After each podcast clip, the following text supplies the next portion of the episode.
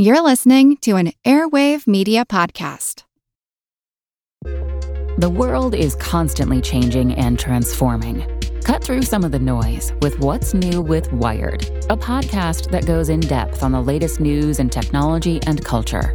Their award winning journalism will help you make sense of what's happening in the world. Listen to What's New with Wired wherever you get your podcasts.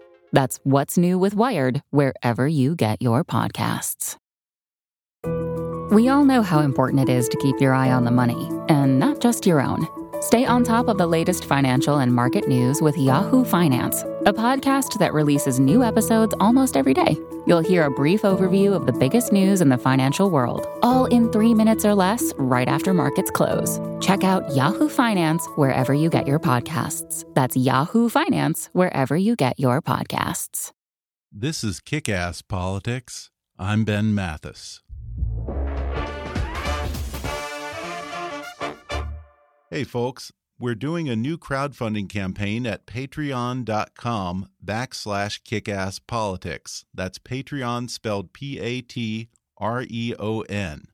With Patreon, you can pledge a certain amount each month, and in return for helping to sustain the show, you're going to get some great new benefits like back episodes, exclusive content, show merchandise, shout outs on the podcast, video hangouts, invitations to live events, and more. Again, go to patreon.com backslash kickasspolitics. Thanks for your support, and thanks for continuing to listen. And now, enjoy the podcast. Hi, I'm Ben Mathis, and welcome to Kick Ass Politics. If you've ever taken a red eye between the East Coast and the West Coast and looked down below at the vast expanse of pitch blackness, maybe occasionally dotted with a lonely porch light or a pair of truck headlights, then, friend, you're looking at flyover country. Literally. And for many of you listening, you may very well be one of the millions of decent, hardworking Americans who call flyover country home and who feel put down, left out, and ignored by Washington, the media, intellectuals, and the rest of the country that clings to their shorelines and their big cities. Well, folks in flyover country, the good news is you have no greater advocate than my guest today. She's Dana Loesch. She hosts her award winning nationally syndicated daily radio show, The Dana Show, the conservative alternative, from Dallas, Texas, where she also hosts Dana on the Blaze television network. Dana co founded the Tea Party movement in her hometown of St. Louis and speaks regularly on the subjects of new media, gun control, anti feminism, and the grassroots. Loesch is a former newspaper columnist and was one of the original Breitbart editors selected by Andrew Breitbart himself to head his news site, bigjournalism.com. Dana has also co hosted The View and appears regularly on Fox News, CNN, and HBO, among others. Her first book, Hands Off My Gun Defeating the Plot to Disarm America, was a national bestseller and won raves from fans such as Michelle Malkin, Mark Levin, and Sean Hannity. And now she has a new book called Flyover Nation You Can't Run a Country You've Never Been to. On today's show, Dana vents about her problem with the arrogance and tone deafness of the coastal elites and what it is that they don't seem to understand about middle America. She talks about what matters to the good people of Flyover Nation, including hot button issues like gun control, manufacturing jobs, and religious liberty.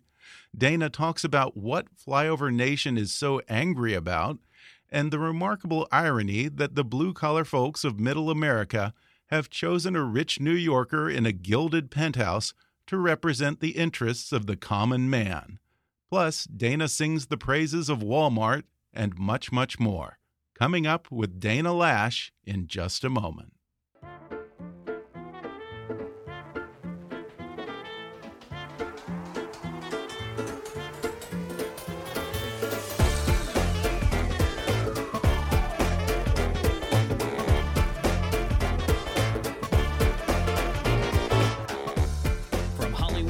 Washington, it's time for Kick Ass Politics.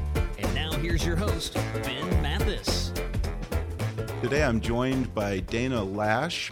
She has a new book called Flyover Nation You Can't Run a Country You've Never Been to. Dana, thanks for joining me. Thank you for having me.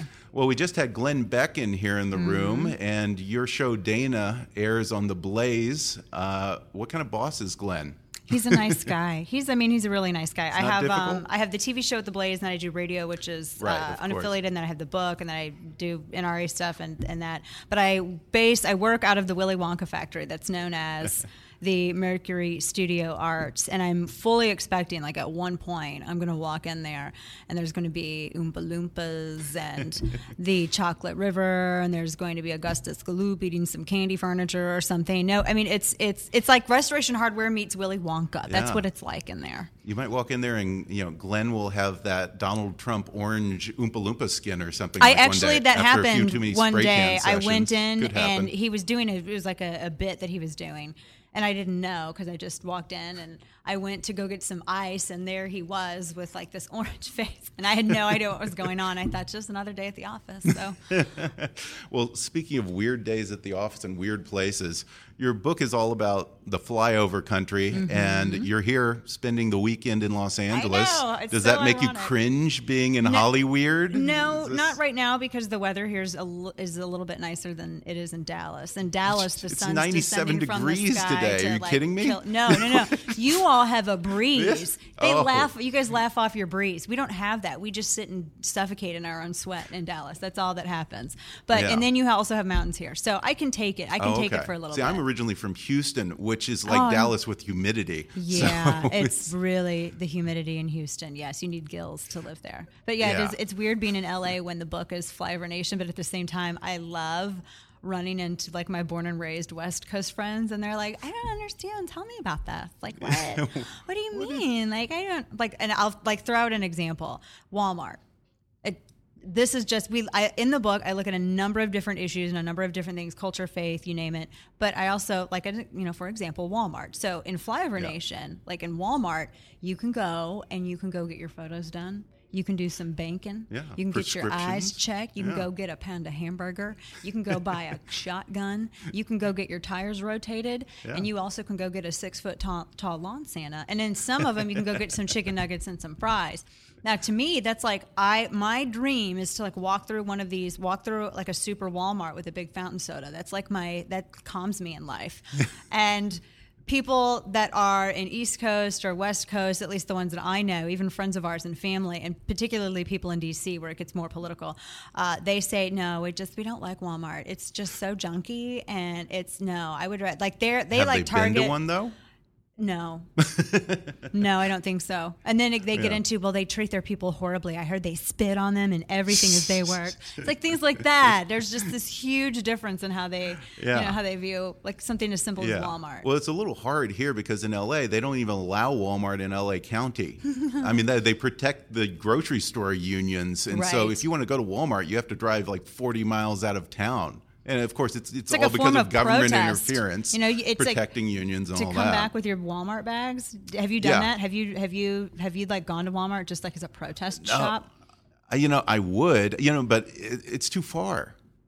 I'm willing to pay the premium to go to Target instead Right. of Walmart. We do have Target for whatever reason. Target's okay; they're okay with. We have Targets everywhere here. Uh, but they like the targets. They like the targets boonies. after the bathroom hard- thing too. But they they like the targets for that one right. aisle because Walmart does not have this aisle. Target has one aisle in its store that makes you feel horrible about your house and you think that you need it. Like you think you need this freestanding coral crap that they have on the shelves. I don't even have like a sea motif in my home, but I feel like I'm going to talk myself into some coral today.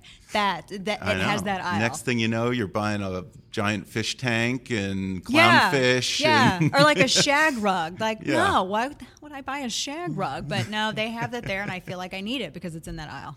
yeah, it's a great place for uh, impulse buys. Yes. Um, now, if if there's anyone who doesn't know here on the coasts, what is technically flyover country? Flyover- geographically, what do we consider This is the best country? way I describe it. Flyover is that vast expanse between the East Coast and West Coast. If you're pinging back and forth between DC and LA or New York and LA or you know whatever, that you look down from your airplane window and 30,000 feet below it looks like a quilt. Okay. That's that's flyover country. Okay. It's kind of and then I was told Or if last it's a night night flight, wherever you see fewer lights, wherever don't there's total pitch blackness, you're either you've flown into a black hole or you're over flyover. I mean, it's you know.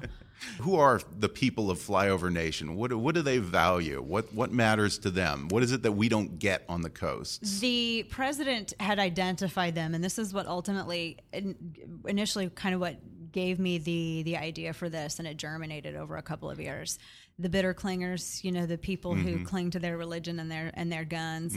Uh, you know, we just go out in the backyard and we read the Bible while shooting, you know, and every time we say amen, we fire it off. No, that we don't really. Maybe some do, but we don't. Uh, but they value they value family, they value faith, they value uh, service. Like for instance, there is a disproportionate amount of men and women who from Flyover Nation who voluntarily enlist to serve in our country's military. We are the military. Flyover Nation provides the military. Flyover Nation provides the food.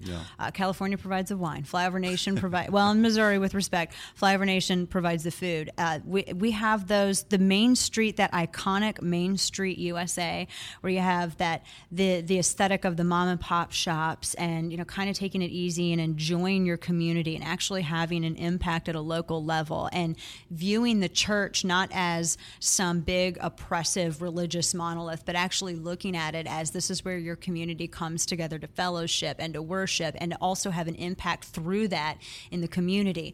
Uh, the, i mean that's the that's the stuff that that flyover nation values. And it gets really stereotyped and i think it's really underrepresented and kind of underestimated and undermined but yet washington d.c they expect it to show up and vote and you vote the right way every single time. And if you don't then we're going to call you like bitter clingers or hobbits or whatever. Yeah, I mean, do you feel that people on the coast and people in Washington treat the people of Middle America as rubes and they kind Mm-hmm. of dismiss them as uneducated or just conspiracy theorists? And They think that we all share one tooth to eat our corn on the cob.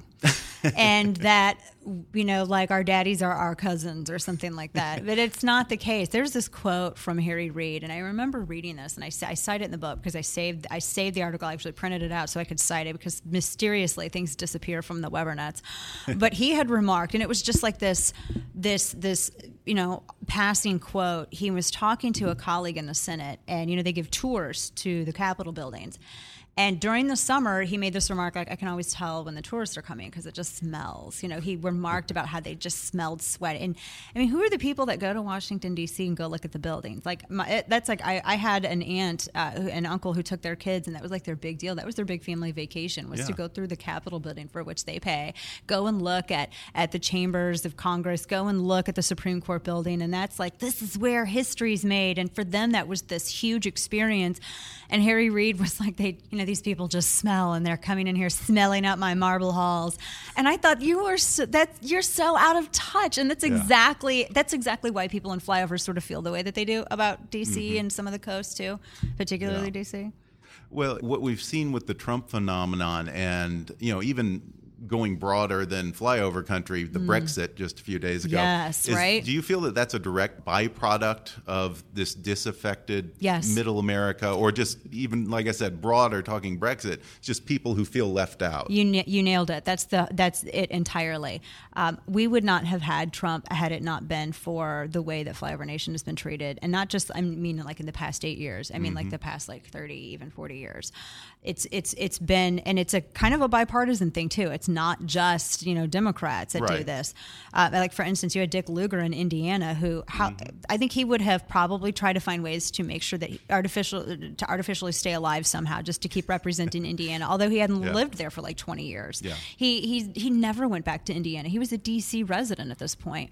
But I, I do think that I think Trump is, and I've said this before. I think he is a giant redheaded middle finger to D.C. by people in Flyover Nation Yeah. who got so tired that of they they were betrayed by Democrats, and then when they saw Republicans betraying them, that was it. So they wanted to take the loudest orangiest hammer they could find and smash the system to bits. And that's what they're doing. And the Brexit, that's the same way. When you look at the vote breakdown of Brexit, it wasn't the rich people and it wasn't Right. the It wasn't posh people who were voting for this. Mm-hmm. It was the middle and working classes who voted for this. And there were a lot of young people who thought, wait a minute, wait a minute, wait a minute. These I don't I don't want to be in the European Union. I, I don't want to do this. I, I know I want to be able to have like an immediate impact and not have people who don't represent me at all, who aren't even from my country, Hmm. uh, to be making decisions that actually have an impact on, you know, the sterling or have an impact on, you know, my freedoms here. And so that I mean they had their they have their own flyover nation. And that's I mean, we're starting to see this. People are wanting to burn the system down. And Hmm. the people who are in the flames don't understand why. And that's Yeah. what this book gets into.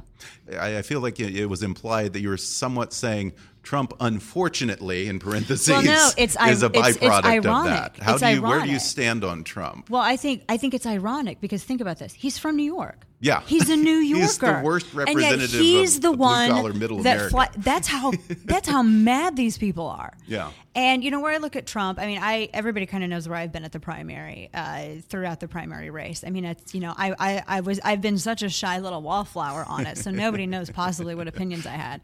Um, but at the same time, going forward, I mean, you know, ultimately when it gets to this point, and I realize it has to be, for the lack of a better way to put it, certified at the RNC and all of that stuff. I mean, Right. you come up uh, no matter no matter how it washes out you basically have two choices and we can pretend that we have more than two choices and we can pretend that we don't have a choice but we Mm-hmm. have two choices and we know how one of those choices is going to come out. We we know that for a fact. But you know in that it's not it's not like an unfortunately it's i cannot believe the irony Yeah. because that if you guy who has really want to with gold-plated yeah he's got he's got like cherub statues in his house. Yeah. and uh, made of marble like marble angel baby butts in his yeah, house. his wife is a supermodel, and he's i mean he's he puts his name he monograms everything. But Yeah. that's people are so mad they're like nope he's the meanest. We want him Yeah. and Washington D.C. looked at flyover and thought, "Oh my gosh, you people aren't serious. No, no, we want him because he's going to go kick your ass. That's what we want." They don't. They are. They don't feel that there is a second chance because Hmm. every second chance. I mean, we got Obamacare even after a second chance. We've got, you know, we got compromises on budget, compromises on spending bills. I mean, for crying out loud, the fact that a vote on firearms even went to cloture in the Senate, to me, that itself was a compromise. So they're mad. We're going to take a quick break, and then I'll be back to talk more with Dana Loesch.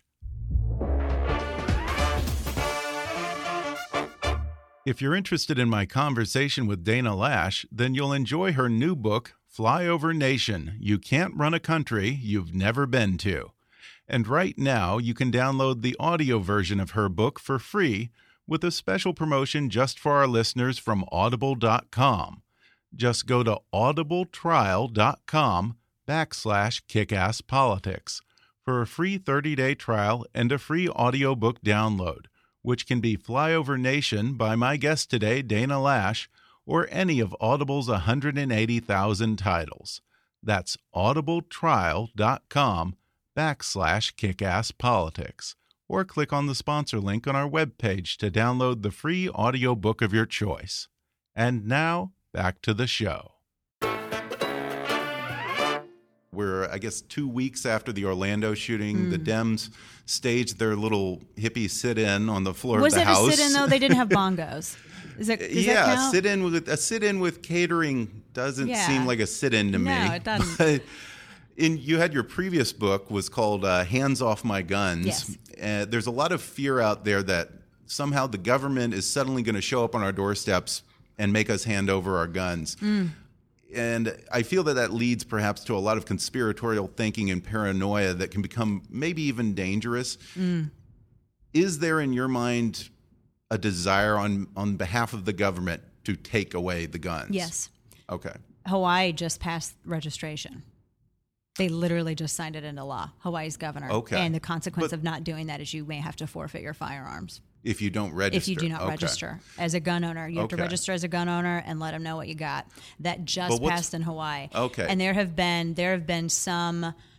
It's been remarked on, but they they're not going to show you their cards before they do it. But there's been a lot of discussion that, mm, well, let's because they're never going to do that federally. I mean, there's a law against it federally, but if we can encourage state legislatures across the United States, there's not going to be a judge on the West Coast that's going to uh, strike down Hawaii's law. So that law is going to stand, and that's going to serve as a precedent.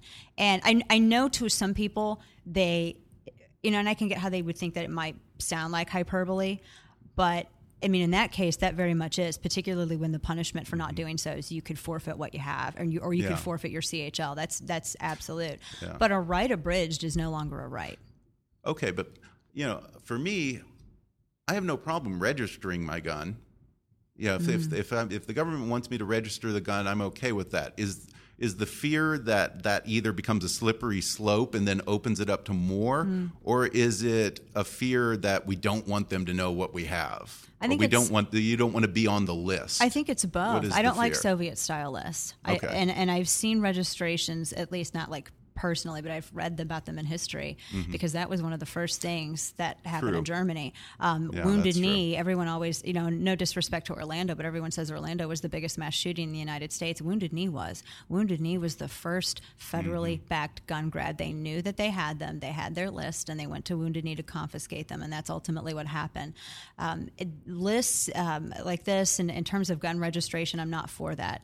Um, we have millions of law-abiding gun owners in the United States, Right. and fewer than one percent of them are even involved in crime. It's those repeat offenders, the prohibited possessors, and ultimately how to solve mm-hmm. that is, you know, I, I- we could have a big discussion on criminal justice reform, which is another topic, but yet related to this because that's what's driving this. You would fall mm. over if you realized how watered down the deterrents are for prosecutions on federal gun crimes. I read about a judge in Louisiana who Really? two football players in Alabama, two adult men, were caught in at, caught in a park at 2 a.m. with drugs and stolen guns, and they because they played football for Bama, this judge did not choose. He chose not to not to go forward on federal gun charges.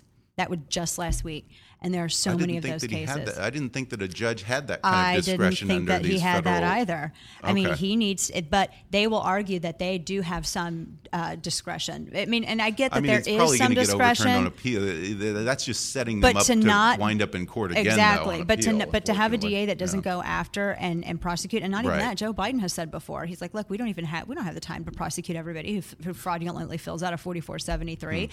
I mean so we have we're not that's a criminal justice problem but you know to to the to the topic of you know of gun violence and you know gun homicides we're safer now than we have ever been but nobody knows it. Yeah. because nobody in the media wants to focus on it. They want to oversaturate everything by focusing on the tragedy Yeah.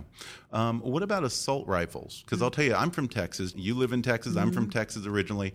My dad, who's from Texas, I don't even know how many guns he has, but he can still talk about in high school, they had a gun range on the roof. And Yeah. they had, you know, just like we have football teams, they had a gun team. Yeah, they and they would sit up there with rifles. yeah. And he. His thing is, you know, he he is a gun owner. He likes to shoot. He's not a big hunter, but he said the other day when the shootings happened in Orlando, he said, you know, I like guns and I like to shoot, but I don't really understand why anyone needs an assault rifle. And this is my dad, who's as conservative as it gets. Hmm. Right. Should assault rifles be banned, or Well, what they are what do we need virtually. them- Assault Okay. rifles virtually are. Assault Okay. rifle by uh, uh, talks about military grade weapons, Mm-hmm. which means that it either ha- it has select fire capability, meaning that it can either do semi-automatic one squeeze of the trigger, one bullet, or it can do three shot burst, one squeeze of the bullet, and you have three shots, or you can just you know it's either pew. Pew pew pew or pew pew pew pew pew pew pew pew so that's that's that's technically that is the correct the assault weapon correctly defines what the military has. AR-15, the M16 is what the military carries. Uh, AR-15 is the civilian. M16 was designed after the AR-15 uh, because the military is like, hey, we like that, but now they're switching over to M4s. But um, I mean, that's we. I mean, we have we have rifles. That we have rifles with the wood, you know, with the wood stock. We have uh, nobody gets Right. mad about those. Yeah. but they're no different from you know uh, the black rifles that have a rail and a scope and uh, you know and they have uh, the adjustable uh, you know, th- Yeah. they have the grip and everything else uh, they're not any different except Yeah. they don't have that stuff on there that people don't know what it is and they think it makes it shootier well, let's talk immigration. Um, geographically, the vast majority of flyover nation, they're not in border states. So, why do you think has immigration become the central issue of the GOP primary over the past year? Well, and what's weird about that is because in the primary, and I'm, I'm glad that you brought that up because it's this is we- I this was so weird. It was like the top topic in the primaries, right? But then when I was looking at um, because I did election night coverage with Fox, and when we looked at the sweeps that came in doing exit polling, it was maybe number five on the list of concerns for voters, which kind of blew my mind. Isn't Yeah. that crazy? So like New Hampshire, it was like number four. Uh, Iowa with with the exception of Iowa, Iowa it was number two. That was the only state where it played out like in the top three. It really fell behind the economy. It fell behind terrorism, but immigration is is important because one of the things I, I like to point out is that 9-11 began as an immigration issue. You had people here who were on expired visas. And in fact uh, the the terrorists who flew out of boston they had been stopped in florida just like a month prior. And had we not had all the bureaucracy that we have and we actually enforced our laws they would have been apprehended because they were here on expired on expired licenses expired visas and they were allowed to go. Um, but none of our agencies talked to each other. The patriot act didn't help that uh, that didn't really do anything except create, you know, another Soviet style list. But um, with that, people are concerned because you you can't say that you're going to get serious about terrorism. You can't say that you're going to get serious about reducing crime when you're not allowing people to go in through the border. Just last night, I was in McAllen, Texas, which is 10 miles away from the border. And that's also the top entry point for illegal immigration. And you have, I was talking to one of the, the heads of the Border Patrol Union. I just had dinner with him last night. And he was saying that the, the problem with this is, is that drug cartels are seizing on this opportunity. You have an, an administration who is saying, you know what, we're going to do catch and release. Like, I, I think it was like six out of 10 is catch and release. Yeah. Six out of 10 is catch and release. When we flew from McAllen to DFW before we caught our plane here to come to Politicon and then talk to you guys, 30% of our flight were relocations. They were illegal immigrants who were Really? accompanied by Border Patrol agents. They had the things around their neck and they were all On your flight to on our California. flight. On our flight. They were all kids. What airline is this? So American I know to Airlines. avoid this. Okay. American Airlines. They and Jeez. it and at first when I approached it because you know you've seen you've seen kids before who fly alone and they have help from TSA Yeah. or the airline and they just wear the little you know like a little badge and it has no these guys these these kids had big eight by ten and it had the legalese and it had another like uh, law enforcement stamp on it and then they had the border patrol that escorted them they had border agents that escorted them to the jet bridge and they were there when they walked off the jet bridge and people who live on the border, including many American Hispanics, they're like, no, no, no, no, no. This is ridiculous because we came in here the right way. We are trying to McAllen. I mean, you have so many Hispanic business owners. I mean, it, was a group of Hispanic conservatives that put on my book signing event. You know, they own a gun range. Um, we went and ate at another Hispanic conservative's amazing restaurant, which had the best, like, I don't know what that shrimp was, but it was so good. It was beside the point. But they're infuriated because they see everything that they have created. It's now becoming destabilized by an increase in crime brought on by illegal immigration and mm-hmm. drug cartels, which are taking advantage of it. And our administration refuses to allow Border Patrol agents or even state law, state lawmakers to enforce the laws that they have, or they'll sue them like they did mm-hmm. with Arizona. Well, you know, in the 2016 election, it seems that immigration and trade seem to come up in the same breath, um, particularly with Trump. You talk about blue collar workers and the mm-hmm. Rust Belt in your book. Realistically, those manufacturing jobs that they're counting on aren't coming back to America. I mean, no, no matter even if with the way Donald we Trump, now. well, even if Trump gets elected, no matter who's in the White House, despite what he wants to tell people, we're not going to be able to undercut Vietnam or Korea. Mm.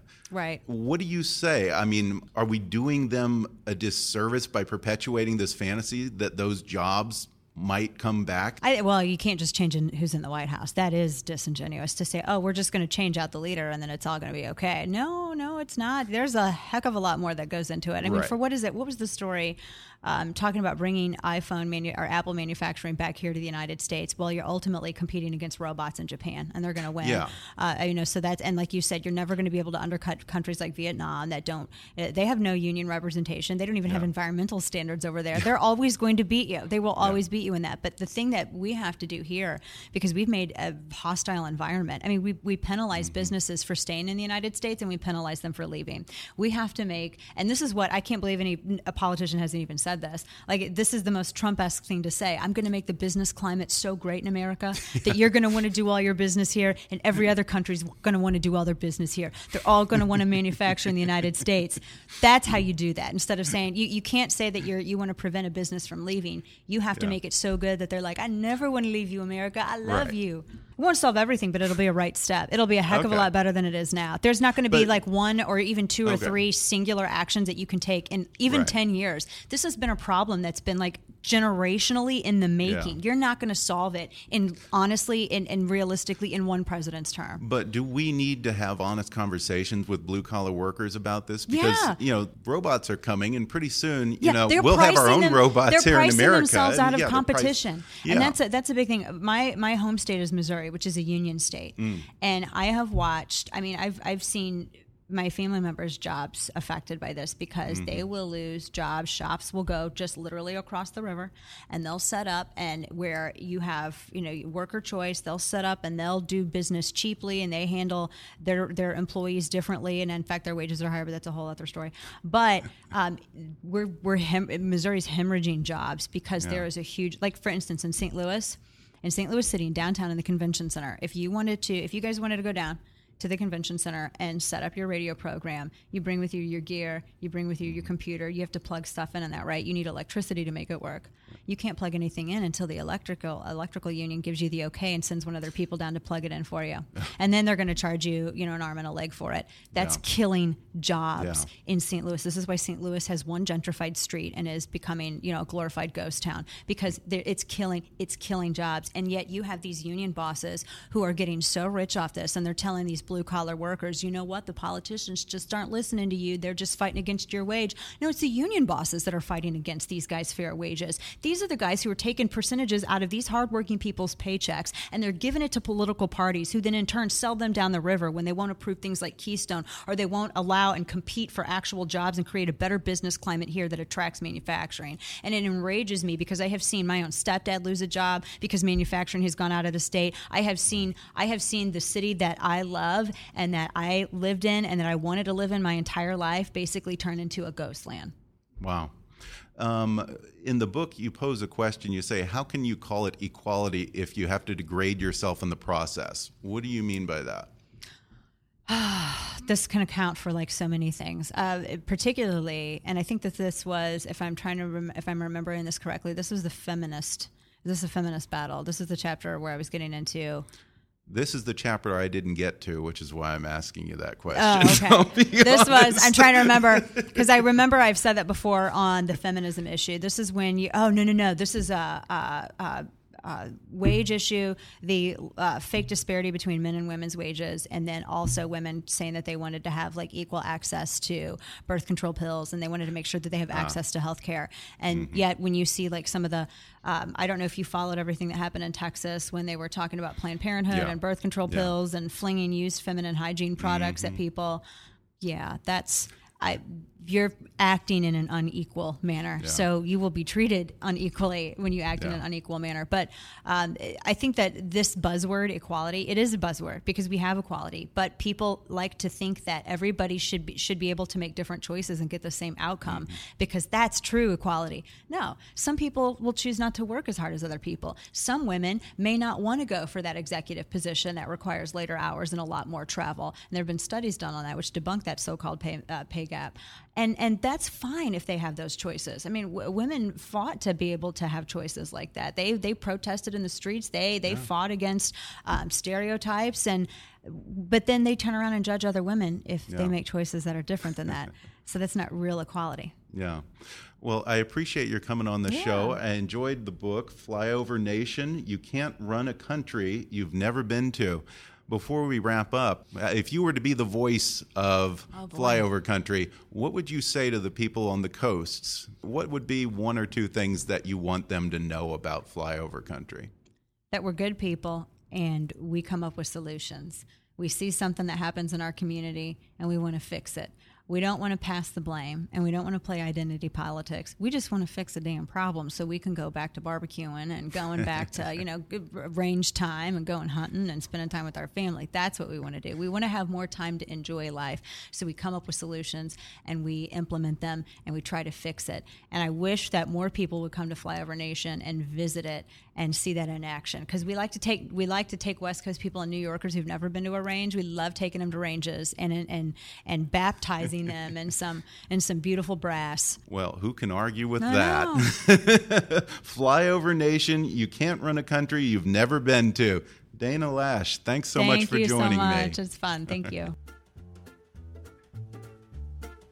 Thanks again to Dana Loesch for coming on the show.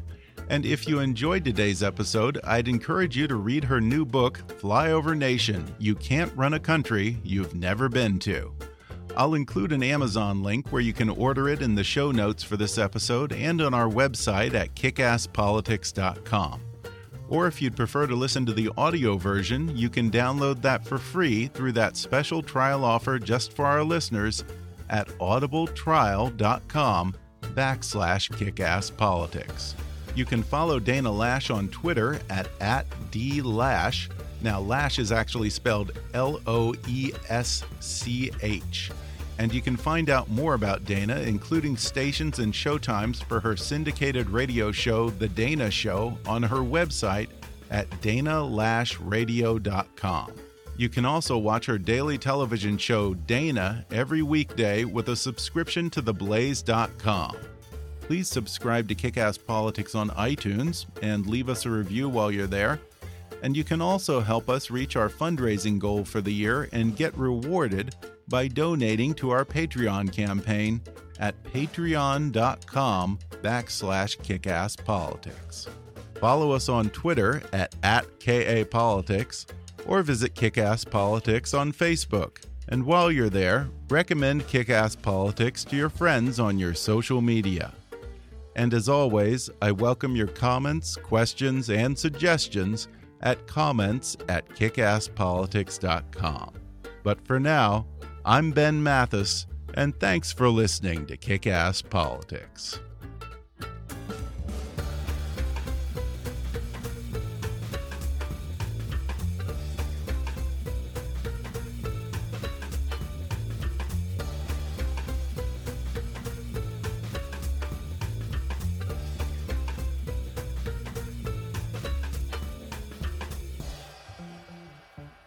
Kickass Politics is a trademark of Mathis Entertainment, Inc.